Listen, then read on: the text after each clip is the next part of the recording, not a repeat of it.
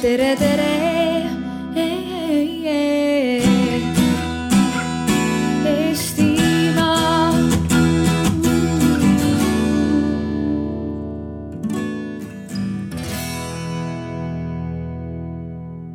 Head sõbrad, käimas on äh, digikultuuri teema-aasta ja tänases paneelis räägime me selle kohaselt digiraamatutest. Äh, meil on siin külas Tiina Kaalep kirjastusest Hea Lugu, Andre Kaibalt, kes on Apollo arendusjuht, rahvakirjanik Indrek Hargla, sellist tiitlit ei ole olemas tegelikult ametlikult.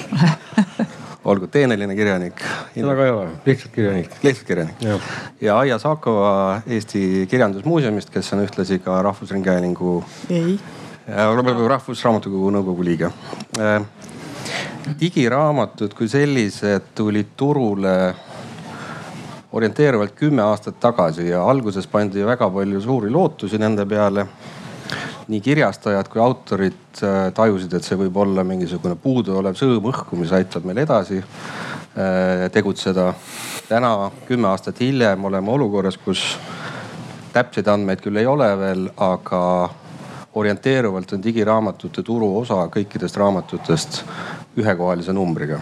tõenäoliselt kuskile viie kanti. ja võrdluseks äh, meie naaberriik Rootsi äh, turuosa digi- ja heliraamatutel on peaaegu pool. nii et need lootused, mis meil kümme aastat tagasi olid, ei ole täitunud. ja ma tegelikult esimesena tahaksingi teie röntgenipilti. miks digiraamatud ei ole lennanud Eestis? Tiina oi, see on keeruline küsimus, et äh, ise ka kirjastajana ju lootsin ja päris algusaegadel ähm, peaaegu kümme aastat tagasi me tegime e-raamatu peaaegu kõigest kaasa arvatud käsiraamatud, ma mäletan, et me tegime näiteks äh, viinamarja, viinamarja kasvatamise sellisest äh, käsiraamatust e-raamatu ja me ei ole müünud seda mitte ühtegi ja üleüldse me tegime suure lootusega, et kuskilt ilmub äh, igale raamatule ostja. ja ma arvan, et äh, ikkagi äh, kirjastajaid kainestas see teadmine, et äh, publik, äh, lugejad ei tule järele ja mingil hetkel äh, tekkis skepsis, mul isiklikult samuti tekkis skepsis ja see skepsis on ka mm, teisel põhjusel. eks iga kirjastaja peab iseendale ütlema, et keda ta esindab, kas ta esindab siis äh, ainult lugejaid või ainult autorit või on seal kuskil kahe vahel. ja mulle tundus, et see suund, kuhu e-raamatutega me oleme liikumas, ei ole nüüd autorile kõige soodsam ja ma pean siin silmas äh, voogedastust. et mulle tundus, et me kirjastajatena ei suuda seista autorite õiguste eest. ja praegune seis on selline, et äh, see viis protsenti, mis sa ütlesid, on äärmiselt optimistlik. Äh, meie eelmise aasta protsent oli kaks meie käibest kaks protsenti on e-raamatud, me oleme valmistanud aegade jooksul sada kaheksakümmend e-raamatut ja müünud oleme me neist äh, umbes seitsekümmend, siis rohkem kui sadat me ei ole müünud mitte ainsatki eksemplari, mis tähendab, et tegemist oli meiepoolse veaga, seda tuleb tunnistada. nii et äh, sellel skepsisel on äh, palju põhjuseid ja täna me oleme tõesti olukorras, kus, kus kohe-kohe tuleb audioraamat ja mulle tundub, et see on tegelikult üks hoopis teine asi.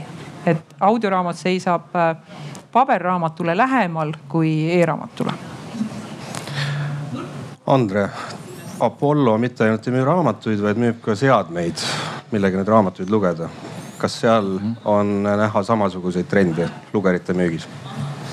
ma tegelikult nii pessimistlik ne- ei oleks nagu nende e-raamatute poole pealt, vähemalt äh, Apollo müükide seisukohast me ei saa väita, et lugejate huvi kuidagi oleks vähenenud e-raamatute vastu.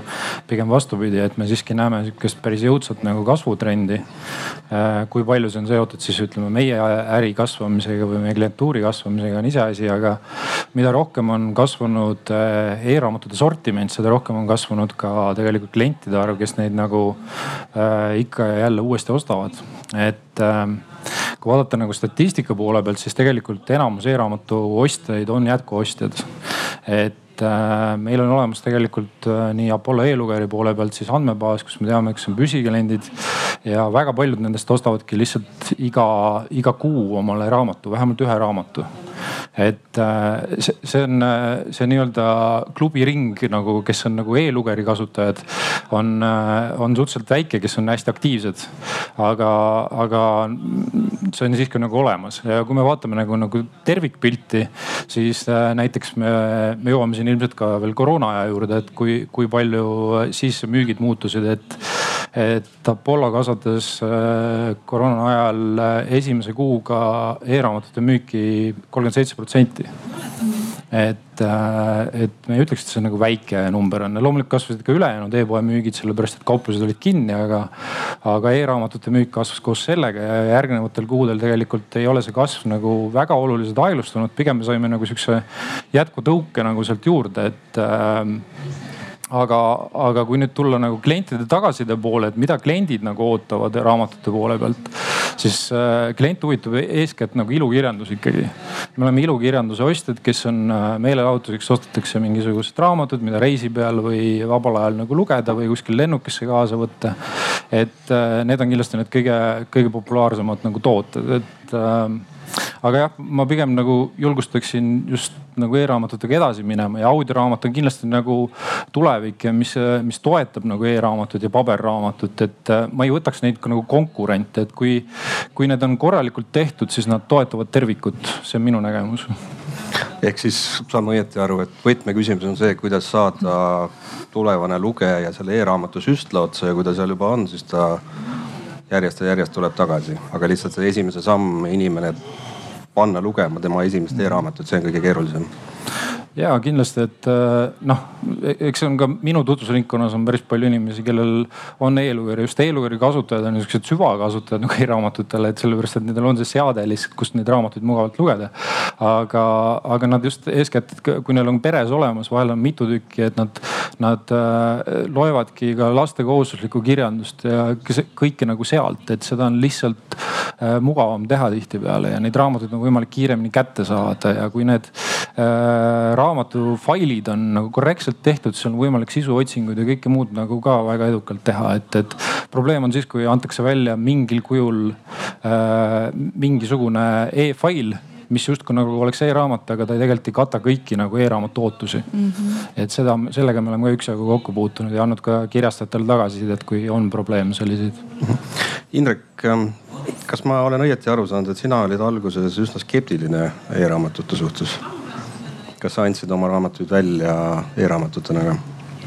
tähendab, ei no skeptiline äh, siis, kui nad äh, esimesed ilmusid, see oli mingisugune, mis see võis olla, kaks tuhat, ma ei tea, üksteist, kaksteist, kolmteist, midagi sihukest. Äh, siis ma ei tundnud selle vastu üldse mingit huvi, tähendab, et noh, kirjaks ei olnud huvi, tähendab, ei tund-, ei tundunud kuidagi olulisena, et ahah, et hakkavad raamatutest faile müüma, no las hakkavad, noh jumal sellega, eks ole, et mis sest ikka juhtub ja nagu ei juhtunudki midagi mitu aastat ja.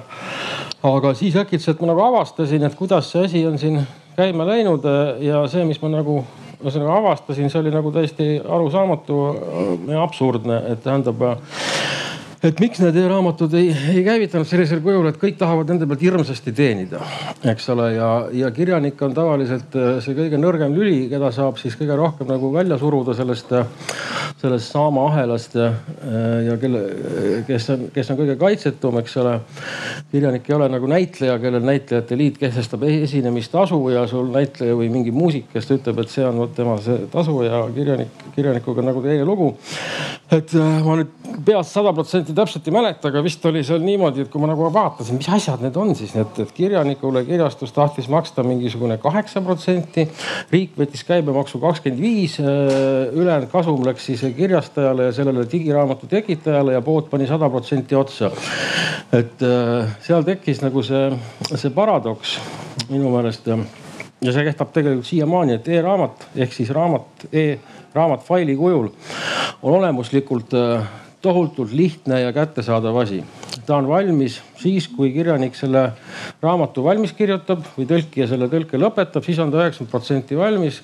küljendaja ja toimetaja käivad sealt üle ja siis lõpuks keegi, mis ei pea olema mingi suur firma, kes peab oma kontorit kõige kallima koha peal, teeb sellest mingi e-puubi, sellega ma saan ise ka oma stuudios hakkama kõik saavad, kes natuke viitsivad. ühesõnaga noh, et see, see, see jutt, et see e-raamatu tekitamine sellest PDF failist on hirmus keeruline ja nõuab suure kontori ülalpidamist ja maksude maksmist, et see ei ole päris nii et äh, ühesõnaga ta on tegelikult juba olemas kohe ja selle saab panna kohe kuhugi võrku üles allalaadimiseks ja kogu see kaanide ahel saab sealt nagu efektiivselt maha lõigatud. Neid ei ole sinna vaja, ei ole vaja kirjastajat, ei ole vaja raamatupoodi, ei ole vaja mingit digiraamatu tekitajat. aga ometi nad sinna tekivad. ja see, ütleme, see fail, ta on nagu kõige lihtsam asi mida, mida jagada, et noh, mul praegu veel ei ole tänase seisuga, aga siin paari nädala kuu pärast mul tekib mingi koduleht, kus ma panen enda mingid vanemad raamatud, panen tasuta faili kujul üles, et tõmmake ja lugege ja noh, ütleme, et see on siis digiraamat, ma ei tea, kas ma viitsin nad e-puubiks teha või ei viitsi. et ma olen ise ka kirjastaja, me anname aastas mingi noh, kolm raamatut keskmiselt, et nendest me e-raamatuid ei tee äh, ei ole nagu mingit mõtet sellega mässata, sest neid inimesi, kes ainult e-raamatut tahavad, on, on tohutult vähe ja ei ole näha, et neid oleks kunagi saanud olla rohkem või et neid kusagilt juurde tuleb. et lihtsalt ei ole viitsimist oma aega selle peale kulutada. ja, ja seda enam, et äh, Eestis on suhteliselt arenenud äh, raamatukogude võrk raamatud on kõigile tasuta kättesaadaval. minge võtke raamatukogust, lugege, et noh, milleks seda failindusega susserdamist ja vusserdamist ja kui sa võid minna raamatukokku ja võtta raamatu, no kui tõesti muidu ei saa, noh siis skänni see sisse, tee sellest e-puub, tõmba telefoni ja siis loe sealt. Seda... aga kas siin ei ole vastuolu, et kui, kui, kui seda info vastab tõele, et Rootsis on digiraamatute turg viiskümmend protsenti, Eesti samas on üsna nagu arenenud digiriik, inimesed ei karda kasutada nutiseadmeid miks, miks see Eestis siis ei, ei toimi, kas meil on kuidagi teistsugune psühholoogia rootslastest? oi jumal, see on nüüd nii, nii. Noh, siin oli ju silt üleval kuskil siin naabertelgi juures, et kontrolli andmeid, eks ole, et kas meil on nüüd niimoodi sada protsenti täpselt tõestatud, tõestatud statistika, et Rootsis on nii, no Eesti ja Rootsi on muidugi erinevad ühiskonnad ja Rootsi on väga suur eks ole. Rootsis on seda tühja maad, kus lähim raamatupood on, ma ei tea, saja kilomeetri kaugusel või kaugemalgi on, on ju palju rohkem kui Eestis, et meil siin tunni ajaga jõuad ikka mingi raamatupoeni, kui väga-väga vaja on. aga jah, ei, ma ei oska Rootsi kohta öelda, aga, aga noh, Eestis võib, võib olla asi ka hinnas, eks ole, et meil on see e-raamat üsna kallis tähendab, minu meelest ongi sellest digiraamatust rääkida see on nagu umbes mingi kümnejärgulisem probleem, kui me Eesti kirjas, kirjandus ja kirjastuspoliitikat arutame. et peaks alustama nagu kõige tähtsamast probleemist, mis on see, et eestlase jaoks on äh, raamat Euroopas kõige kallim tähendab, igal teisel Euroopa rahval on omakeelne kirjandus, kirjandus odavam kui eestlasele. et siin on nagu mitmekümneaastane riigipoolne kirjastus või selle kultuuripoliitika puudumine ja, ja, ja ka siis osa, osav, osav vahendajate selline lobi ja kartellitöö, mis on selle eestlase jaoks selle kirjasõna. lätlastel, soomlastel, portugallastel, poolakatel, sakslastel, kõikidel on raamat odavam kui see, mis ma vaatasin viimati sa mõtled siis äh, suhtena sissetulekute tasemes? Äh, nii see nominaalväärtus kui ka, kui ka see jah, tähendab mõlemad. et näiteks noh, Soomes ma vaatasin, see mingi minu raamat maksab kakskümmend viis, kõvakaanne noh, mis on soomlasele kakskümmend viis eurot ja eestlasele, eks ole, siin on mingi kolme-neljakordne vahe. Prantsusmaal ma vaatasin mingi minu tõlge, mis oli ilmunud see hind oli pandud kaane peale, trükitud. Eestis on see võimatu, absoluutselt võimatu, täpselt sama võimatu nagu siin mõni, mõni aeg tagasi mingid ametnikud ütlesid, et e-raamatu käibemaksu langetamine, see on võimatu, see on välistatud, seda noh, Euroopa Liit kaebab meid kohtusse, meid lastakse lahti, ma ei tea, visatakse Euroopa Liidust välja, mis kõik tehakse, et ei, ei, ei saa. Et noh, samamoodi on see, et Eestis äh, raamatu lõppmüügi hind kaane peale trükkimine, see on samamoodi välistatud, aga vaatasin seal mingit seda kuuendat Melchiori prantsuse keeles ja hind oli kaane peal kümnekas. palun väga, Prantsusmaal on võimalik, aga ma jäin nüüd pikalt lobisema vist. aga eh, Aija, sinu käest ma tahaksin küsida seda, et ma ei tea, kas Kirjandusmuuseum sellega otseselt tegeleb, aga kas te jälgite ka seda, milline on eestlaste lugemisharjumused ja kas see e-raamatu tulek on neid nüüd selle kümne aasta jooksul mingilgi viisil äh, muutnud või kohandanud või mingit mõju avaldanud? No Kirjandusmuuseum seda sellisena jälgida päris ei saa jah, või seda ei tee, aga, aga noh, see, mida ma siin nagu praegu kuulen, on, äh, on üks põhjus kindlasti, miks, miks võib-olla see e-raamatu asi nii suure hurraaga käima ei läinud, on see, et, et see lugev põlvkond on, on ju, on, on, on olnud ju noh, nii-öelda need inimesed, kes võib-olla pole esimese hooga nende lugerite järgi haaranud. Ja noh, võib-olla mulle tundub, et see nüüd hakkab vaikselt nagu muutuma, et, et ma näen oma noh, eks, et noh, ma lähenen, eks ju neljakümnele, et minu põlvkonnas hakkab tulema järjest rohkem seda ka, et noh ja mina ise tunnistan ausalt, minul ei ole noh seda lugerit ja minul ei ole sellist harjumust äh, neid äh, raamatuid e-vormis lugeda, sest noh, ma olen, ma olen, eks ju oma erialalt kirjandusteadlane äh,. kirjutan raamatuid, eks, et mulle on nagu see paberraamat noh, lihtsalt niivõrd südamelähedane. nüüd, kui ma nüüd selle noh lugeja positsioonilt vaatan, eks ju või ka uurija positsioonilt, et siis, siis millest mina puudust tunnen, on ikkagi selline paralleelsus, et, et ma saan, kui ma ostan raamatu, füüsilise raamatu, et siis ma pääsen ligi ka sellele e-versioonile sellest. Äh, et, et mul on nagu hiljem lihtsam, noh uurijana mul on sageli vaja nagu tagasi pöörduda mingite kohtade juurde ja, ja mul oleks palju lihtsam neid otsida, kui ma saan neid, eks ju, otsida, noh niimoodi mm -hmm. ikkagi äh, selles e-vormis, et olgu see siis PDF e, e-puu või mis, mis muu, eks et, et sel, sellist varianti üleüldse ei ole olemaski, et ma saaksin nagu paralleelselt mõlemale kuidagi soodsamalt, noh, et kui ma ostsin ühe või et siis sain teise ka, eks mm. -hmm. et see oleks tegelikult minu arvates äh, mulle lugeja positsioonist hästi vajalik. nüüd äh, kuidas ikkagi see põlvkond saaks muutuda, eks ju, et, et me rohkem oleme harjunud, siis tõepoolest äh, noh, võib-olla me tuleme hiljem selle juurde tagasi, aga et, et, et nende lastele koolis anda võimalus äh, nii-öelda õpikuid kasutada noh paralleelselt noh füüsiliste õpikute kõrval äh, e-puubidena või, või selle e-versioonina, et see oleks minu meelest täiesti õige ja võib-olla isegi peakski olema meie nagu hariduspoliitika osa, eks noh, lisaks sellele, et see oleks nagu palju mugavam, oleks see ka lihtsalt ju noh, ka lihtsalt kergem lastele, sest noh, tõesti lapsevanemana ma tean, kui rasked on koolikotid. Et, et, et see võib-olla oli, oli ka. Ja noh, üks asi, mis siin praegu meie vestlus üldse nagu praegu veel ei tulnud välja, on ikkagi see, see laenutuse pool jah. et, et, et kuidas, kuidas autorile on tagatud, ei ole praegu ju tagatud seda, et, et, et need e-laenutused ka hüvitatakse, eks et see kindlasti peaks kuidagi saama lahendatud, see ei ole lahendatud praegu. sellest me räägime pärast, pärast natuke pikemalt, aga nüüd ma ei saa jätta küsimata teie käest, Tiina ja Andre Indreku jutu kaanid siis ei, ma hea meelega kommenteerin, et ega tegelikult Indreku protsendid ei olnud äh, väga valed. pluss-miinus kaks protsenti, ma ütleksin ja suurusjärgus on kindlasti õiged.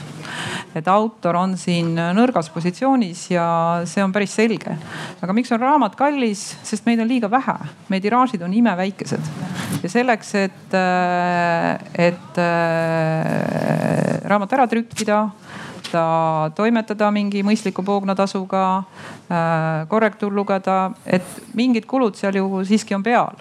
ja selles mõttes, äh, kui raamatut teha viissada eksemplari, siis on äh, selle raamatu hind hoopis teine, kui teha teda kaks tuhat. mida vähem me raamatut teeme, seda kallim see raamat üksikut ostes on, see on ju ilmselge.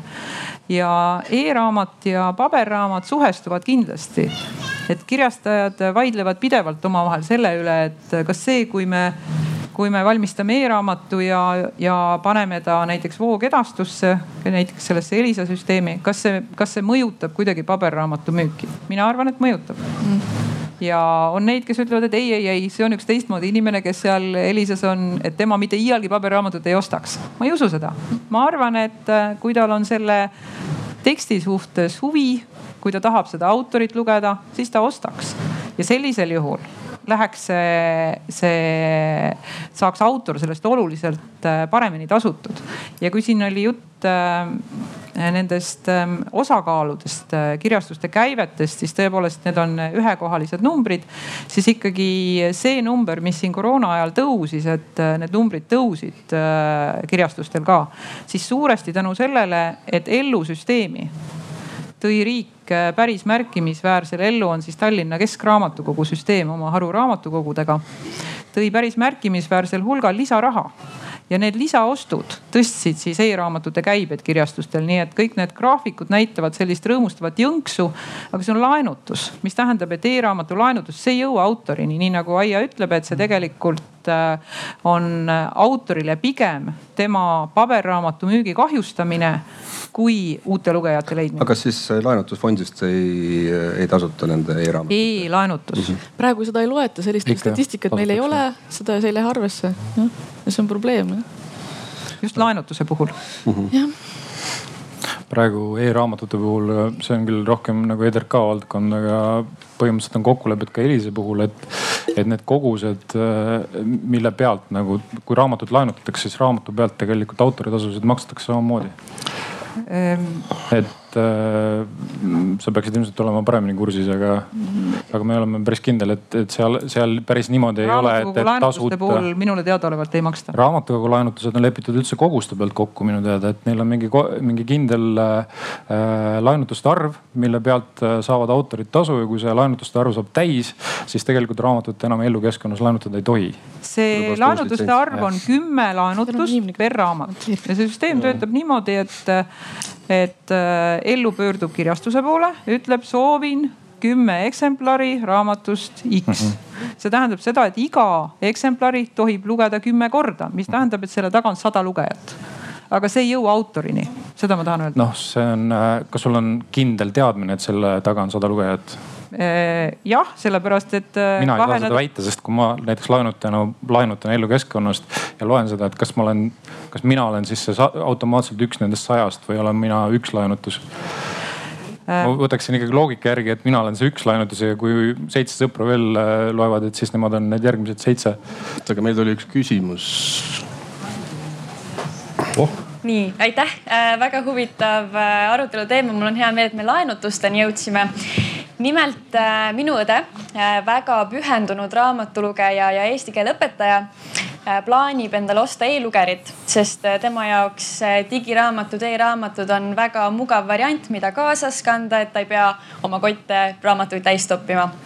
Küll aga tema sattus sellise probleemi ette, et kui ta nüüd tahaks kasutada e-lugerit, siis ta peaks enamiku raamatuid ostma endale, sellepärast et raamatukogudest e-lugeritele laenutada ei ole nii palju võimalik. küll aga sa saad laenutada siis äh, digiraamatuid, mida saad lugeda oma siis mobiiltelefonist või tahvlist.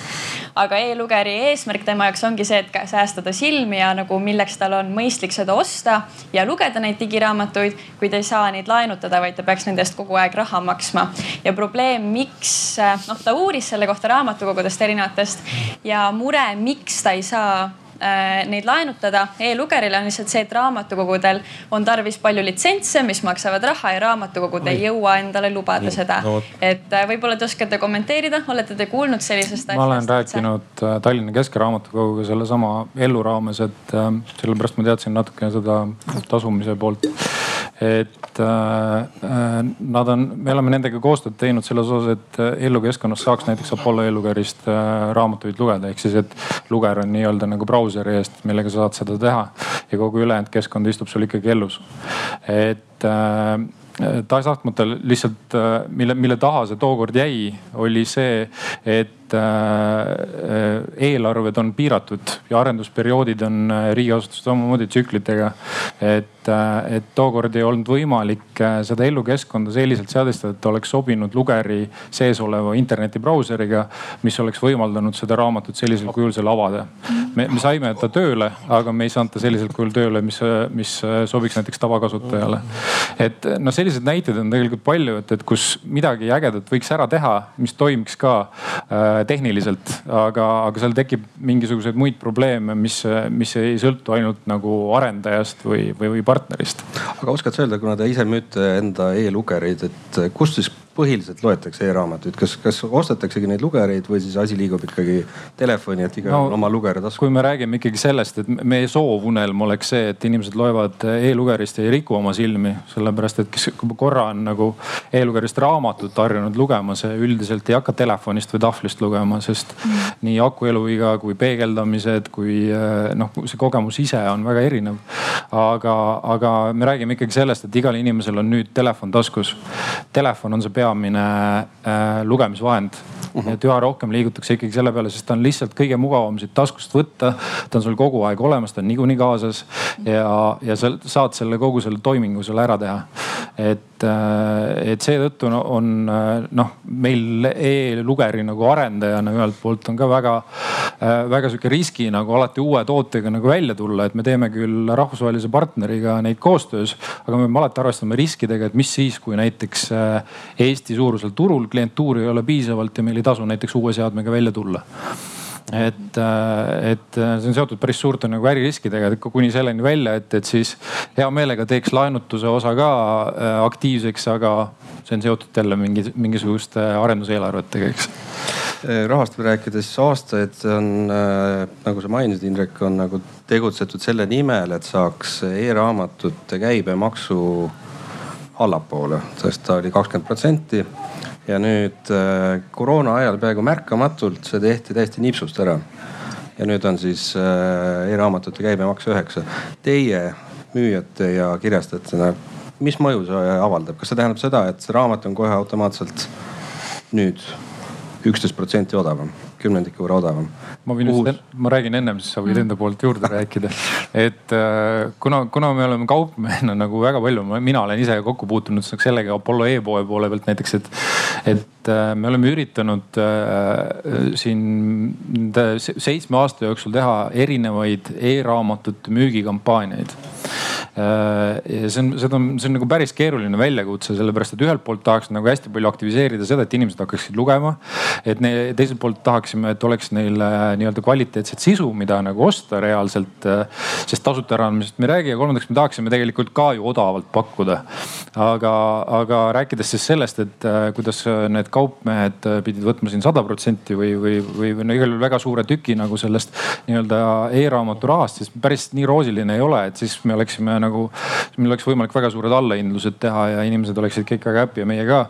et äh, tegelik ikkagi see nii-öelda kaupmehe katteprotsent siiamaani ka enne selle käibemaksu muutmist oli ikkagi ütleme, küündis maksimum sinna seitsmeteist protsendi lähedale. et, et me ei räägi seal sellest, et ma lasen selle e-raamatu hinna äh, nüüd kakskümmend prossa alla ja nii ongi, kuigi me tegime selliseid kampaaniaid, me tegime koos kirjastustega selles mõttes, et, et me mõlemalt poolt andsime nii palju, tulime kliendile vastu kui võimalik võimalik, aga sa ei saa seda pidevalt teha. et hea meelega pakuks nagu siukseid hea hinnaga asju, et aga see see ei ole alati nagu lihtsalt lihtsalt nagu tahtmisest kinni, et lõpuks peab, peab ettevõtte ärina ka toimima. Ehm, kas selles, et digiraamatud ei ole nüüd lendama hakanud nii nagu me lootsime, kas seal võib olla ka mingisugune kultuuriline komponent, et eestlase jaoks raamat on nad ikka sul püha asi, paber, mida sa nuusutad selle trükilõhna ja nii edasi. ma enda peale olen seda küll tajunud, et mul oli näiteks selline kummaline komme, et kui ma mõne raamatu hakkasin, tegin lahti, hakkasin lugema isegi kui see oli ülimalt igav ja absoluutselt ei meeldinud, siis ma tundsin sisemist moraalset kohutust nagu lõpuni lugeda. et ma ei, ma ei, ma ei noh, nagu praat tuleb lõpuni süüa, isegi kui ei maitse aga ma olen tähele pannud, et kui e-raamatute puhul see niimoodi ei toimi, et, et mul on nagu noh, et see on mingi fail seal, et, et nagu, et, et kas, kas siin võib olla nagu see ka, et, et, et meil on raamat liiga püha meie kultuuris? me meile meeldib ju nii mõelda ja, ja me võime nii mõelda ja igal inimesel on oma eelistus, aga selge on see, et e-raamat on ju reisile mõttes, reisile minnes palju mugavam. me ju saame sellest kõik aru, et selle asemel, et võtta kolm paksu köidet, võtame selle ühe lugeri. ja, ja on ka teisi olukordi, kus see on palju mõnusam. kindlasti on, kindlasti on e-raamatul oma roll aga miks ta ei ole lendu läinud? noh, võib-olla me oleme aeglased, võib-olla me oleme konservatiivsed, et läheb lihtsalt aega. et praegu need numbrid on küllaltki kesised. et ma natuke parandan seda Rootsi asja, et eelmise aasta Rootsi eh, Kirjastuste Liidu raport ütleb seda, et eh, eelmisel aastal tõusid audio ja e-raamatute numbrid kokku pooleni, siis viiekümne protsendini kogu müügiosast, aga seal on väga suur osa on siis Storytelil ja BookBeatil, mis on siis audioraamatute voogedastuskeskkonnad ja nemad annavad seal väga-väga suure osa, nii et ma tegelikult ei oska öelda, kui suur osa siis see e-raamat ise on, et võimalik, et ka see on väike. aga, aga üldiselt on laias laastus on reegel see, et suured keeled ehk siis inglise, hispaania, saksa on äh, e-raamatuid äh, müünud märkimisväärselt hästi, et need numbrid on seal kahekohalised ja on, on, mõjutavad kogu kirjastustegevust vägagi. ja väikesed keeled nagu meie ikkagi on paberi juurde jäänud. Indrek, kas sa suhtled kirjanikega, kas sa oled täheldanud, et kas, kas mõnel kirjanikul ja autoril on nagu põhimõtteline nagu seisukoht? Et see on tema töö ja seda on väga oluline, mis vormis lugejani jõuab ja et see fail ei ole see, millisena ta tahab, et. noh, see fail, ta on igal juhul ju derivaat, eks ole, et kõige tähtsam asi on see, see paberraamat, see päris raamat, et siis kui see on olemas, siis noh, millalgi me saame võtta sellest nagu selle elektroonilise tõmmise või sellise elektroonilise duplikaadi mis nagu ma ütlesin, on tegelikult ju kohe olemas juba, kui see raamat on valmis. et iga raamat, kui ta, kui ta on selle paberi kujul, kui tal on olemas mingi, kui me räägime algupärasest eesti kirjandusest, kui tal on olemas noh Eestis ütleme paar tuhat, mõni tuhat lugejat, eks ole, noh siis võib-olla on ka kakskümmend, kolmkümmend seda, kes viitsiksid selle e-raamatu osta, aga, aga enamasti jah, nii palju kui noh, mina ei ole nüüd mingi selline, kes saab kokku võtta mingi ühise kirjanike arvamuse, aga et no nii palju, kui ma olen jah siin rääkinud, kõik, keegi ei viitsi eriti nagu selle, selle e-raamatuga nagu tegeleda, et seda enamik inimesi ikka kas laenab raamatukogust või, või ostab, või ostab selle paberraamatu, kui raha jagub. et ta tundub jah nii tähtsusetu asi, aga meil on sihukene foorum, et siin ei ole ilus nii-öelda, eks ole, aga kas me selle laenutuseni jõudsime? veel, veel ei jõudnud. aga ma arvan, et see ikkagi muutub nagu see, see, et, et, et see paber raamat on nagu nii primaarne, et see võib-olla ikkagi ühel hetkel on, tuleb teine põlvkond, kes võtab hea meelega just nimelt selle. no e oli ju kuskil jah, siin võib-olla viisteist, kümmekond aastat tagasi, kui, kui noh, mõned arvasid, et nüüd hakkab e-kirjastamine peale, et nagu seda paberi kujul raamatut ei peagi enam tegema, et igat moodi odavam ja, ja parem on, et ta tuleb ainult selle faili kujul, mis, mis siis, ma ei tea, mõned isegi vist proovisid mingeid selliseid asju teha. noh, kindlasti maailmas on kõike tehtud, et, et on proovitud, aga mida see tegelikult tähendab seda, et seda raamatut ei ole ju olemas. et on ainult mingi fail ja noh, kui see fail istub kusagil, kusagil kõva ketta peal, siis keegi tõmbab juhtme välja ja seda raamatut ei ole isegi failina enam olemas. et noh, sellepärast ma mõtlengi, et see äh, kõige tähtsam asi on see, see teri-, jah, see. selles mõttes seda kinnitab ikkagi sihuke arhiivivaade ka, et noh, et alati on ikkagi see paber on lõpuks ikkagi kõige, kõige paremini säiliv äh, kand ja lõpuks. et noh, mul on endal on arvutis on gigade viisi raamatute faile mm. -hmm. Ta, ma selles mõttes ma ei ole mingisugune ludiit, eks ole. aga need on asjad, mida esiteks ei saa paberi kujul kätte mitte kuskilt vanad raamatud, seal sada, kakssada, kakssada aastat vanad siis need ka, mida Eestis müügil ei ole, aga mida saab tõmmata kuskilt. ja need, mis on Eestis või mujal raamatukogudes jah, noh digitaliseeritud, et sa peaksid minema kuhugi sinna noh raamatukokku nüüd pildistama ise, aga, aga väga ma, mingisugused Kanada raamatukogud, ma olen leidnud sealt tohutult palju Eesti ajaloo kohta käivad saksakeelseid raamatuid ja Kanada ülikooli raamatukogus, kõik on nagu välja pandud PDF kujul mm. -hmm. et noh, selles mõttes see digi, digiraamat sellise mingi kultuuri hoidja ja, ja säilitajana, no Eestis tehakse ka seda, see ajalehed ja vanad raamatud, et noh, see on tähtis.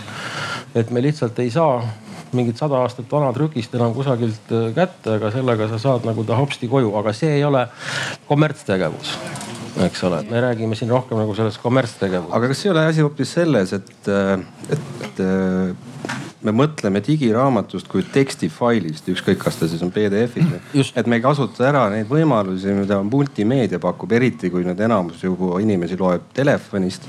sinu enda Melchiori filmidest praegu, vabandust raamatust vändatakse praegu filme äh, kas seal ei ole nagu võimalik vastastikku nagu rikastada, et kui sa loed seda Melchiorit ja seal on mingisugune stseen, mis on ka filmi jõudnud. minu teada et... ei ole seal ühtegi stseeni raamatust, mis oleks filmi jõudnud. soo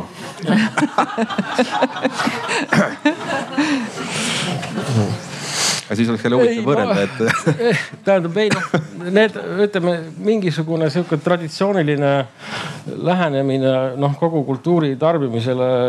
ma, ma ei usu, et see ära kaob, eks ole, et noh, raamatu lugemine on sihuke väga intiimne, intiimne tegevus, mis on inimesel DNA-s sees tähendab minu meelest üldse kogu, kogu see läänemaailma ühiskonna intellektuaalsus või vaimsus või mentaliteet tulebki kokkupuutest äh, paberi ja pliiatsiga või algsel kujul pärgamendi ja pliiatsiga. eks ole, see, et sa lappad raamatust lehekülgi ja teed väljakirjutusi käega paberi peale, see on see, mis on selle õhtumaa inimese vaimu teinud selliseks, nagu ta on. see on kõige arendavam tegevus ja, ja see ei tohiks nagu kuhugi kaduda, sest muidu inimese vaim paratamatult nüristub, tähendab, sest siin on sinu aju töötab kõige rohkem, palju rohkem kui kuskil seal nokkimisel ja copy paste imisel. et äh, sa noh, raamatu lugemine, käes hoidmine, lugemine, see on ka sinu see ajutöö on, on, on optimaalselt kõrge ja kõige kasulikum kujutlusvõimele, aju arendamisele.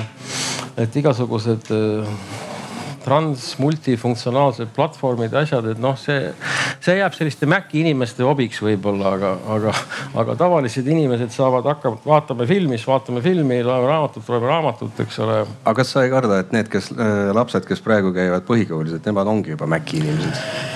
Nende jaoks on see täiesti uus. lastele Maci ostab, ei osta keegi. no Maci inimesed. noh, Mac on nendele, kes, kes lähevad kuhugi hipsteri kohvikusse, panevad selle laua peale, hoiavad seda seal päev otsa laua peal, et kõik näeksid, et sul on Mac, aga kui sul on vaja kodus tööd teha, siis sa ikka kasutad mingit Windowsit. kas sa autorina noh, siin, siin räägib vana IT-mees, nii et äh, respekt, aga äh, ma, ma natukene siin äh, debateerin, onju, et äh,, et on küll võimalik multimeedia meedia kujule viia, et on ka tehtud, et kes, kes on siis need Apple'i toodete kasutajad võib-olla mäletavad esimest, kui kunagi äh, tuli Steve Jobs eraldi välja, tuligi iBooksiga. siis esimesed demoraamatud, mis tehti, olid siuksed virtuaalsed, kus olid nagu lastele sihuke Alice imedemaal versioon, kus sa said reaalselt nagu seal oli see lehe keeramine ja märkimine ja pildi sisseminek, et kui Alice kui nagu kukub sinna auku, et siis see auk oli ruumiline ja liikus ja. et väga ägedalt oli tehtud, aga noh, keegi ei mõelnud väga selle peale, et äh, kui palju sellise raamatu tootmine maksab, mis on nagu pooleldi film, pooleldi raamat, pooleldi midagi muud. väga äge oli kindlasti. et äh, meil on isegi vanast ajast veel järgi kolm sellist raamatut ja siiamaani on jube äge vaadata. see on põhimõtteliselt arvutimäng. põhimõtteliselt no, nagu arvutimäng. see on arvutimäng, noh see on omaette meedia. Äh, aga, aga see, see, ma ei, ma ei oponeeriks seda üldse nagu raamatuga, sellepärast et see on, see on nagu eraldi mingi noh, ta ongi hoopis teine dimensioon, eks ole. sa saad selle täiendavalt sellele raamatule, sul on see Alice imedemaal kodus ka olemas, eks, suure tõenäosusega. et, äh, et kui on mingi hea raamat, siis vähemalt ma võin enda näitel kinnitada, et mina neid häid raamatuid, mida ma olen mitu korda lugenud, ma olen üritanud need ka e-kujul endale osta. lihtsalt sellepärast, et ma teine, seesama näide, et ma võtan omale reisi peale kaasa ja võtan mitu tükki, ma ei tea, mis tuju mul tuleb seal on ju mingil hetkel lugeda, kas mul üldse on aega lugeda, aga nad on mul kaasas ja siis ma loen. et, äh, et, et see on ikkagi väärtus omaette kuni selleni välja, et minul on näiteks probleem, mul ei mahu nad koju kuskile riiulisse enam need raamatud. ma ostan küll juurde, mul on praegu ka öökapi peal on mingi kaks raamatut, mis moodustavad siukse korraliku kohvikannu kõrguse virna, sellepärast millegipärast mulle meeldib just neid pakse lugeda, et, et aga mõtle e-lugerist lihtsalt lapid neid lehti, on sama õhuke kogu aeg. et või, või telefonis, et aga, aga see tegelikult see lugemise emotsioon, mis sa saad nagu sellest raamatust ise ei erine kui sa, kui sa loed, see pilt hakkab samamoodi sul ikkagi ette tulema nagu tavaraamatust ja, ja, ja üks ei, ma ikkagi kordan seda, et minu arust üks ei konkureeri teisega, nad äh, nagu täiendavad üksteist. Killu, kas sa saaksid palun äh, mikrofoni visata, siin oli küsimus ma vahepeal kommenteeriks mm -hmm. natukene seda, seda erilist raamatut, mida sa mida sa esile manasid Martin, et yeah., et teha raamat, kus on erinevaid variante, võimalusi, me proovisime. umbes kaheksa aastat tagasi ilmus eesti keeles selline raamat nagu autor oli äh, Tiina Toomet ja Tiina Toometi raamat äh, Elust koera ja kassiga. Ja see oli selline äh, koera ja kassi pidamise tore selline käsiraamat. raamatul läks väga-väga hästi. Ja Tiina autorina ütles, et ta on pidanud äh, kaks samateemalist loengut, äh, mis nagu laiendaksid seda teemat, et hea meelega ta integreeriks need sinna e-raamatusse no me vist neli aastat pidasime läbirääkimisi selle e-raamatu tootmise asjus ja tootmata see raamat jäigi. sest äh, tegelikult see e-pub ei kuidagi ei võimaldanud neid kahte suurt loengut sinna sisse kuidagiviisi toppida. nii et äh, tegelikult on see tõepoolest on, see on kallis, see muudab selle e-pubi vormingut ja, ja mingil moel see meie tavapärane lugemiskogemus e, e-raamatu lugemiskogemus ei toeta selliseid asju. meil on küsimus. tere um, küsimus tuleb ka, aga, esimene kommentaar on see, et ma olen selline tehnohuviline, kes vahepeal arvas ka, et raamat on ainult paberilõige ja nüüd ma olen tänaseks jõudnud sinna väga lihtne seletus, miks, miks inglisekeelsed, saksakeelsed ja muud raamatud on teinud edu. ma lihtsalt ei saa neid kätte, täpselt nii nagu kirjeldati, et ma saan nad kätte äh, selles digiformaadis ja ma loengi neid ainult seal. ja samamoodi ma väidan, et äh, ettekujutus sellest, et paber või tähendab raamat on paberi kujul, muutub täpselt nii, nagu ma arvan, siin on juba mõned inimesed, kelle jaoks plaadiformaat noh, vahepeal ikkagi kadus ära. jah, nüüd ta tuli tagasi, on vinüülid, aga valdav osa muusikast ikkagi on nagu striimis ehk et ma arvan, kättesaadavuse mõttes noh, küsimus sellest, kellele on digiraamatud, no sama küsimus, kellele on nagu televiisor. mõni ütleb, et mul ei ole televiisorit, aga tegelikult ta lihtsalt on asendanud ekraani ja kasutab seda voogedastust, nii et noh, ütleme minu meelest siin ei ole vist küll ühtegi poliitikut, aga mulle ikkagi tunduks, et äh, ma olen ka puutunud kokku eesti keeles äh, mingisuguste kirjastuslaadsete tegevustega ja see on ikkagi ju nagu sellesama põhi, põhiseaduse preambula küsimus, et, et kui me tahame, et seda oleks, siis Tiinaga me tunneme teineteist. see, millised kirjastajad seda välja annavad, mind ei huvita. Äh, ma arvan, et turg reguleerib selle ära. see, millised poed seda müüvad, mind ka tegelikult ei huvita. täna Apollo, kuskil keegi teine. aga seda, et meil on eestikeelsed autorid, kes kirjutavad eesti keeles. noh, seda ma arvan, et siin on meil selge turutõrge olemas ja, ja ma ei tea, mis see, mis see mehhanism peaks olema. ma ei tea, meil on äh, kahe protsendi seadus, et peab ostma äh, kunsti, et aga võib-olla noh, tegelikult ikkagi mõelda selle peale, et, et lihtsalt kokku leppida, et et, et maksumaksja mingi mehhanismi kaudu nendele autoritele selle, selle raha toimetab. ja siis ma arvan küll, levi mõttes digikanal uuele põlvkonnale lihtsalt peab olema, ma arvan, et kõige lihtsam põhjus. ka mina võtan reisile kaasa kümme raamatut. Äh, ma tõesti isegi äh, ütleme, pooled nendest ostan, pooltest võtan mingisugused sample'id. Äh, ja ilmselt neid viit raamatut ma poest tegelikult ei ostaks nii et ma julgen väita, et, et kui nad oleksid kättesaadavad digiformaadis ja see uus põlvkond seal peal juures oleks, tegelikult nagu jõuaks äh, seda raha rohkem. ja sellest ikkagi ei piisa, sest et meid on ikkagi ainult üks miljon, mis tähendab seda, et, et nii-öelda maksumaksja kaudu minu meelest peaks ümber jagama natuke rohkem. aga mis see mehhanism on, võib-olla teil on mõni hea mõte, kuidas seda teha? ja siit me tegelikult jõuamegi selle raamatukogu laenutuse teema juurde, et ähm, kui oleks olemas äh, digiraamatute laenutus, mis oleks piisavalt rahastatud, siis see lahendaks ju selle küsimuse, et, et kust saada eestikeelset äh, e-raamatut. praeguse seisuga, nagu siin varem ka jutuks oli, on Tallinna Keskraamatukogul siis e-raamatute laenutusplatvorm Ellu, äh, mida rahastab Tallinna linn. aga selle lugejaks saavad minu teada hakata kõik mis tekitab kohe sellise küsimuse ilmselt noh, kui ma oleks Kõlvart, et äh, miks ma peaksin maksma selle eest oma eelarvest, kui seda loevad, äh, kui seda kasutavad äh, need, kes ei ole minu omavalitsuse lugejad. see on üks asi. teine asi on seesama hüvit-, autorihüvitise süsteem, et seda on aastaid ju raha alarahastatud mitte e-raamatute kontekstis, vaid ka paberraamatute kontekstis, et noh, Indrek, sina tead võib-olla enda naha peal paremini, kas no, sealt, kas sealt üldse midagi tiksub, aga. nojah, see on jah sihuke asi, et kunagi mõeldi justkui midagi lahedat välja, midagi õiget, aga see muutus üsna pea sihukeseks naljanumbriks, eks ole, et noh alates sellest, et valitsus annab miljoni ja siis korjab sealt käibemaksu tagasi. noh, see nagu ei mahu terve mõistuse inimesel pähe, et nagu riik midagi rahastab, siis võtab sealt maksu tagasi, et noh, milleks üks topelttööd raamatupidamislikku teha. see selleks, eks ole, noh, see on see ametniku mõtlemine, et noh, nii peab ja teistmoodi ei saa. noh, anti mingisugune miljon ja siis me jagame sealt äh, suure nutsu, jagame Agatha Christie pärijatele ja, ja Barbara Cartlandidele ja, ja kellele veel kõik jagame ära selle raha, et noh, see on ka õige muidugi, et see Eesti maksumaksja raha kus see vaene Agatha Christie pärija saab ilma hakkama, eks ole. et noh, selles mõttes noh, väga õige suhtumine muidugi, eks ole, et, et noh, et Eesti riik peab mitte ainult Eesti kultuuri toetama, vaid ka noh üldist maailma sellist kultuuri panoptikumi üleval hoidma selle miljoni inimese rahaga.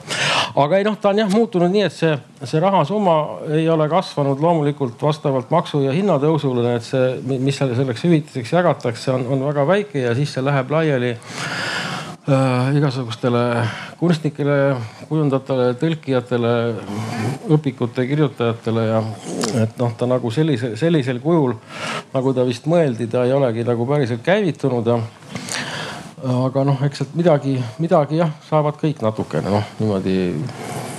aga ma, ma vist saan Soomest isegi natuke rohkem tegelikult. Äh, aga vot me jõudsime selle. me jõudsime sinna ja ma tahtsin. selle et... raamatukoguni või hüvitiseni. just, jah, me just jõudsime. et noh, vot siin on jällegi minu meelest see üks see teine, teine paradoks ja äh, mis meil selle digiraamatuga on, et on olemas see nii-öelda fail, mis ei ole raamat, ta on fail. Äh, ja see on nagu kõige lihtsamini kättesaadav, kättesaadav äh, info tänapäeva maailmas. infokogum, infoühik pane võrku üles, pane torrentisse üles, igaüks, kellel ühendus on, saab ta kohe kätte. nii äh, lahe, et tähendab, see on nagu kultuuri levikule äh, väga positiivne, kui meil need sihukesed failid oleksid nagu kättesaadavad ja mida me siis nüüd teeme me võtame selle, selle faili ja hakkame sinna seda tagasi toppima sinna sellesse paberformaati. hakkame seda ette kujutama, et see ei ole, tähendab, see on ikkagi täpselt sama nagu raamat ja raamatukogus selle laenamine, see on sama nagu paberraamatu laenamine. et noh, see on see koht, kus minul nagu mõistus jookseb kokku.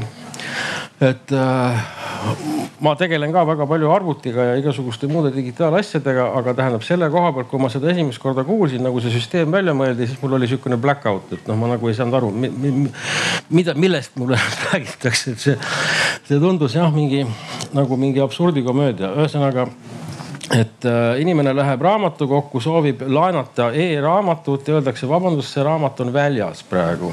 see fail on välja laenutatud ja ei, seda ei saa laenata enam, et selle limiit on läbi saanud see on fail, see on fail, see on noh ja, ja siis ma ütlesin, palun lõpetage, te teete lolli nalja te praegu, eks ole, et noh, et kui nagu raamatukogus saaks laenata e-raamatut. see on e-raamat on raamatukogu koduleheküljel üleval, see on täpselt sama nagu see paberraamat seal riiulis. lae alla, loe, kõik, ei ole vaja mingisugust jampsi, eks ole, sinna juurde mõelda, noh raamatukogul ma loodan siis kuidagi see inimene, kes on see raamatukogu lugeja, see süsteem nagu selle download count'i nagu loeb ära, mitu korda on seda raamatut sealt alla laetud ja eh, eraldi kasutaja, mitte nii, et sa tahad oma raamatu laenutust näiteks tõsta ja siis laed seda kakssada korda alla, eks ole, et see ei ole ilmselt ilus. aga kindlasti on inimesi, kes seda teevad eh, või teeksid. aga et noh, ühesõnaga see raamatu fail pärast toimetamist ja küljendamist on nagu lennutatav, levitatav igale poole. enda kaitseks nõndaviisi, et ma, ma, ma tahangi öelda seda, et, et veel kord, et kuidas see kõik toimub, see toimub nii, et äh, see Tallinna Keskraamatukogu saadab meili kirjastajale, ütleb nii, oletame, et meil on Indrek Hargla raamat e-raamatuna olemas. Et äh, me ostaksime teilt näiteks kolm litsentsi. aga miks seda üldse litsentsideks peab tegema, see on Indreku kriitika. aga see kaitseb teda kui autorit. ei, ma ei ole karda, ei karda. piisaks sellest lugemisest, et mitu korda alla laetakse. ma olen saatnud, mõned inimesed on ja... küsinud, et ma ostsin su raamatu, ma tahaks e-raamatuna, ma olen talle saatnud selle faili ja palun ja siis üllatud, et ei saa raha selle pealt see on ju seesama asi tegelikult, et tahetakse ju Melchiori kohta teada, eks. mina ei karda nagu noh, selles mõttes, et kõik tänapäeval või noh, me räägime laenutustest või siis nüüd millest? me räägime praegu laenutustest, aga üldiselt teised autorid arvavad nagu ja, teisiti, nad ütlevad, et te peate valvama, et see fail jalutama ei läheks. ja tähendab, ma et... ühe asja ütlen vahele veel siin ükskord, et ma, kui need digiraamatud nagu tulid, siis ma käisin mingisugusel üritusel kunagi ja seal rääkis üks raamatukogu töötaja ma nüüd tsiteerin teda, aga ma ei mäleta kahjuks, mis ta nimi oli. et äh, eluaeg ta on käinud nendel raamatu, raamatukogu hoidjate, hirmus pikk sõna. Kuidas? raamatukogu hoidjate ühingu? Äh, mingit noh, koolitustel, väljaõpetel, eks ole, kust on õpetatud, kuidas raamatukogu hoidja, raamatukogu töötaja peab siis nagu raamatute laenutamisele, levikule kaasa aitama. ja siis tulid digiraamatud ja ta käis koolitusel, kus teda õpetati, kuidas mitte inimesi tuleb takistada lugemast, et keegi seda jumala eest kätte ei saa, eks ole, et see peab olema. ja aga see... selle põhjus ongi see, et praegu autor ei saa sellest raha, see on see põhjus, miks takistada. jah, et see tavaline raamat muuta... on riiulis, igaüks võib võtta, lugeda, aga seda digiraamatut tuleb niimoodi valvata, eks ole, et keegi, keegi sinna kurat ligi ei pääse. mina tahaks pigem nagu autori positsioonist mm öelda, et noh, mul on ka eks ju päris mitu raamatut ilmunud Eestis ja Saksamaal. ja noh, see erinevus, mis Saksa riik maksab, eks ju hüvitisena noh, lihtsalt on ikka niivõrd erinev, onju. aga, aga just see, et minu raamatud Eestis ei ole e-raamatuteks tehtud ja ma olen küsinud kirjastaja käest, et noh, et kas ei saaks, onju.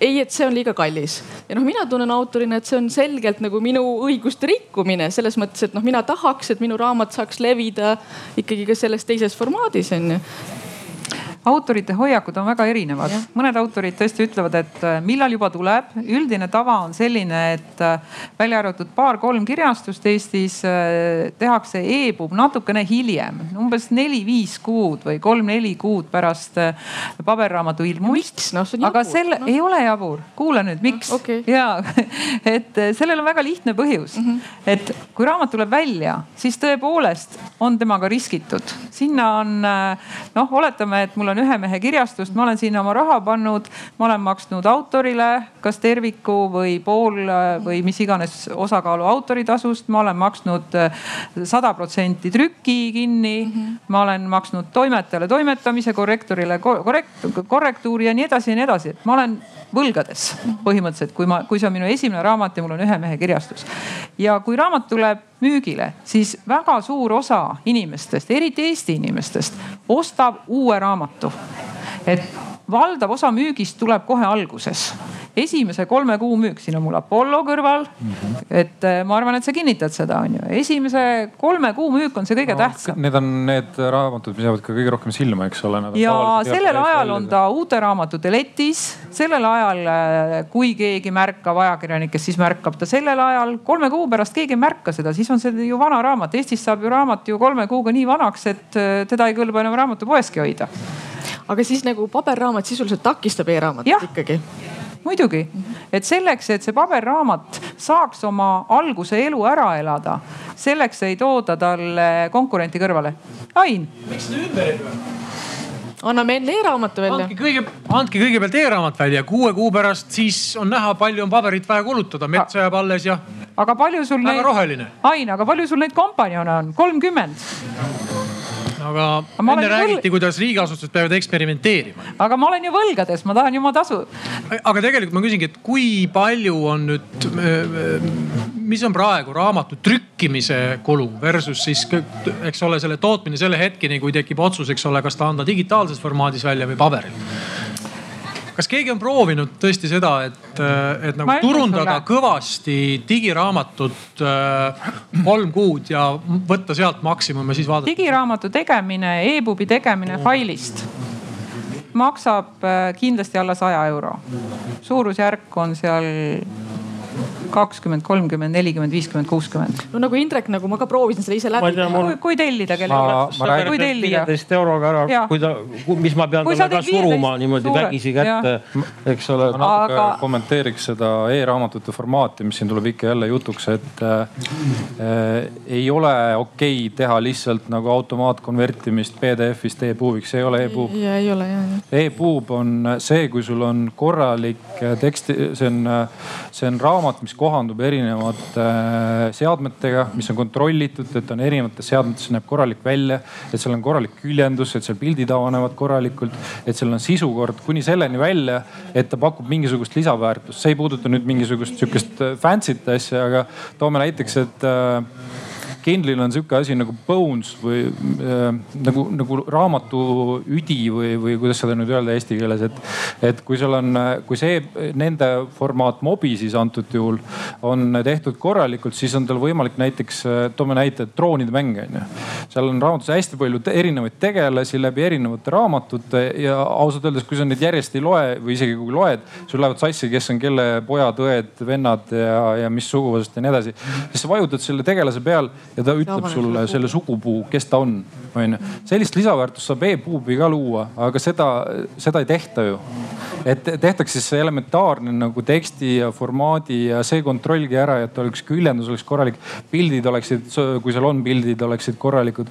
kui see oleks tehtud, siis ja see oleks valdavalt kõikidel raamatutel korrektselt tehtud, siis, siis inimesed jääksid rohkem nagu nende digi, digiraamatute juurde ja loeksid neid, aga me oleme väga palju näinud raamatuid, mis on pandud lihtsalt nagu läraki mingisse e-puub formaati, mis on põhimõtteliselt PDF, lihtsalt faili formaat on teine ja sa teete lahti ja tal on mingisugune üks tekst nagu suur mingi trükipoogen on seal. Et, et selliseid asju ei tohi teha ja see rikub mm. nagu seda kasutajakogemust. et lihtsalt meie kui kaupmehe ja, ja kliendi poolne tagasiside on selline, et, et noh, see ei, ei tasu nagu segamini ajada, et, et see ongi nüüd valmis fail, ei ole.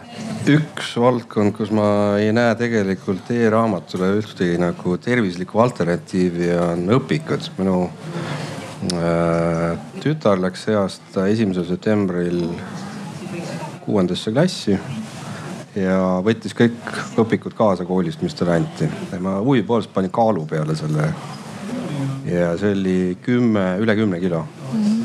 ja see asi lõppes, kuna tal on ka trenniasjad, see asi lõppes sellega, et ma pidin ostma tegelikult kaks komplekti, ühe, üks on kodus ja teine on koolis sahtlis, et ta ei peaks transportima kümmet kilot edasi-tagasi. mul endal on ka muidu üks õlg viltu, seepärast et mul ei olnud ranitsat kooli ajal, vaid mul oli portfell.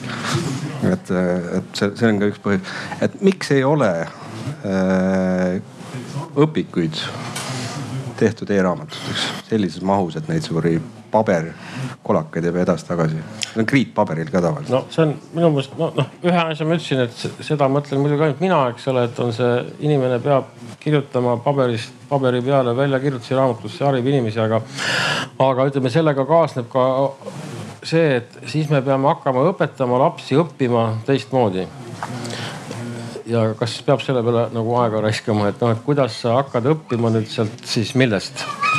Ja kust ta neid e-raamatuid siis loeb, et siis me peame koolis käimiseks ostma lapsele lugeri kaasa.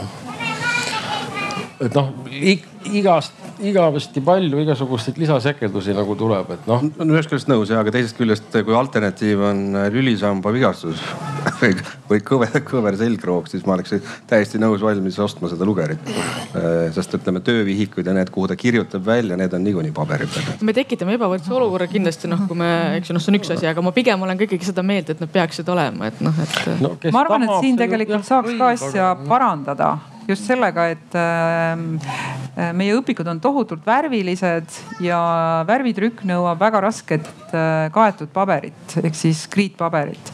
et ma usun, et äh, nende raamatute trükkimisel annaks kõvasti pingutada, et neid raamatuid lihtsalt füüsiliselt kergemaks teha, aga mul jäi vastamata enne Maini küsimuse teisele poolele, mis puudutas seda trükkimist, et kui kallis on trükkimine et äh, orientiiri anda, siis tõepoolest selle e-pubi, äh, mille kvaliteet võib olla halb ja hea, nagu me kuulsime, äh, see hind ei ole suur, kui see fail on valmis. kui see fail on ära toimetatud, küljendatud ja sul on tegelikult see InDesigni trükifail, millest siis hakatakse seda e-pubi tegema.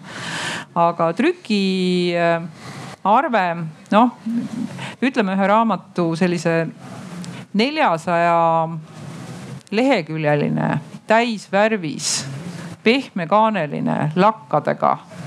ma lihtsalt täitsa juhuslikult tean ühte raamatut, et selle tiraaž tuhat eksemplari maksab neli tuhat kolmsada eurot. et kui see annab mingi orientiiri. juturaamat ilma piltideta, äh, viissada eksemplari, tavaline tiraaž Indrek, ütle ise, umbes uh, tuhat eksemplari, noh. minu esimene vastus on, mul on selleks inimesed kirjastuses, kes umbes, teavad, ma ei tea peast seda uh,. Tähendab, no, no ütleme tuhandese tiraaži peal. mitte väga palju. mitte väga palju, võib-olla poolteist tuhat, eks ole no kribu-krabu, et noh trükk nagu ei ole kuigi palju. aga värv ja paberi katmine lisab sinna kõvasti no,. meie kirjastus muidugi põhimõtteliselt mingeid kõvakaanseid ei anna, mitte kunagi elus ei ole ühtegi andnud ja ma olen kohanud kahte inimest, kes ütlevad, et nemad ei osta, kui ei ole kõvade kaantega. aga, aga lihtsalt nagu sa võidad selle pehme kaanega nii palju, et nii, nii trüki pealt kui kaalu pealt kui nagu üldse kaasas tassimise pealt ja et kõvad, kõvad kaaned, see on, see on nagu ajalugu. Prantsusmaal näiteks ühtegi ilukirjanduslikku teost ei anta kõvade kaantega juba ammu-ammu välja, aga nojah, see. kas ähm, üks asi, mida tahaks veel ära küsida enne otsade kokkutõmbamist on see, et kas piraatlus on nagu tõsine probleem e-raamatute puhul Eestis? Tegelikult ei ole. kui sa ütlesid, et sul on arvutikette peal üks gigabait kokku sikutatud. ei, mul on mitu giga tähendab. mit-, vabandust no,, mitu giga kokku. tähendab selles mõttes, et kes, kus sa midagi kätte saad, sealt saad, kui vaja on, eks ole, aga tähendab ei, see ei ole, noh, see sõna üldse on sihuke halva, halva tähenduslik, me peame tänapäeval lihtsalt leppima, et kui asi on, on digitaalsel kujul taasesitatav, siis on ta kusagilt ka hangitav ja kui ta seda ei ole, siis on ta ebapopulaarne ja, ja see nagu võtab ära jällegi see noh vahe kultuur levib, vahendajad ei saa raha, aga autorid saavad äh, kuulsust ja tuntust, et noh, see on tänapäeva reaalsus, et siin ei ole mõtet nagu, ei ole mõtet niimoodi äh, jah, hambad ristis äh, siin nagu võidelda asjade vastu, mida suurem osa maailmast peab nagu täiesti normaalseks et ei ole, tähendab, mina ei karda seda absoluutselt, minu meelest, kes laenab e-raamatu, saatku kuradi sõpradele laiali, jumala eest, tehku mis tahab sellega, eks ole, selle failiga, see on fail, see ei ole raamat. sellepärast, et ma ütlen veel ükskord, ma ei oma seda, ma olen seda nii palju juba öelnud, et raamatud on raamatukogus kõigile tasuta lugemiseks olemas igaüks võib minna ja tasuta lugeda, mingit takistust ei ole. et mida me siis selle faili levikut nii väga piirame, eks ole, et kui sa isegi keegi ostab selle e-raamatu, tehku mis tahab sellega. et noh, mis vahet seal on, kas tal annab selle sõbrale, saadab talle telefoni selle faili, sõber loeb läbi või see sõber läheb, loeb sealt äh, raamatukogust ja võtab tasuta. et sellel optimistlikul noodil tahakski lõpetada, aga enne küsin, et äh, kas kellelgi on küsimusi? minul on üks kommentaar tegelikult, mis kripeldab. Äh, ma toon sisse natuke sellise emotsionaal-esteetilise poole, te räägite siin väga sügavalt tehnilistest. me räägime rahast peamiselt aga kui noh, on milleks ja kellele digiraamatud, siis meil on probleem sellega, et lapsed ei loe ja samas meil on probleem sellega, et lapsed on liiga palju ekraani taga. oletagem, et siin oleks praegu viis last üksteise kõrval, kõigil oleks ekraan ees. kuidas te teate, milline laps neist loeb parajasti oma kohustuslikku kirjandust ja milline mängib? Või on kuskil mujal, ükskõik, me oleme mures, et bussides juba pannakse pilte sotsiaalmeediasse, kui nähakse bussis paberraamatut lugevat inimest, et see on nagu mingi suur asi, eks. aga, ja ülejäänud kümme istuvad ekraani taga, aga kui palju neist ekraani taga loevad raamatuid? kui kõik loeksid digiraamatuid, me ei saakski kunagi teada, ei saakski vahet teha, et seal on äh, sellised. Äh, ma võin sellele küsimusele vastata, viis oli ju. viis mängivad üheksakümne üheksal protsendil juhtudest. laps ja, ja pullerbi lapsed, tema kohustuslik kirjandus. ma teadsin, et tal hakkab siin igav paberraamat, aga kui tal oleks seesama raamat praegu olnud siin ekraani sees, siis äh, oleks mõeldud, et noh, eks ole, ei, ei oleks tekitanud positiivset emotsiooni. ma vaidleksin siin ikkagi natuke vastu, sellepärast et mul on, äh, omal sõbral on äh, kolm last, kelle, kes on kõik kaks tükki on poisid, üks tüdruk, tüdruk veel, veel on nii palju väike, et ei loe. aga mõlemad poisid loevad äh, telefonist äh, kohustuslikku kirjandust ja e-lugerist, kui neil see kodus on, sest mõlemal neil on tegelikult e-lugerid ka olemas, aga, aga telefon on kogu aeg kaasas ja kui nad, nad reaalselt, kui me oleme külas käinud, me oleme näinud, et nad loevad. et see, see ei ole nagu lihtsalt, et noh, ostan, et äkki siis on nagu kohustuslik kirjandus olemas ka. ei, ma ei mõtlegi seda, et ei loe, aga ma mõtlengi seda, et kui loeb, siis üheksal juhul kümnest arvatakse, et ta seal loengus või kus iganes ta seda teeb, kus visuaalselt ei ole ilus, kui ta on ekraani taga, kui tal on see telefon käes mm, -hmm. aga tegelikult ta loeb mis, kui tal oleks see paberraamat käes, siis me kõik vaataksime, et ohoo, kui tubli laps, eks ole, et seal on selline.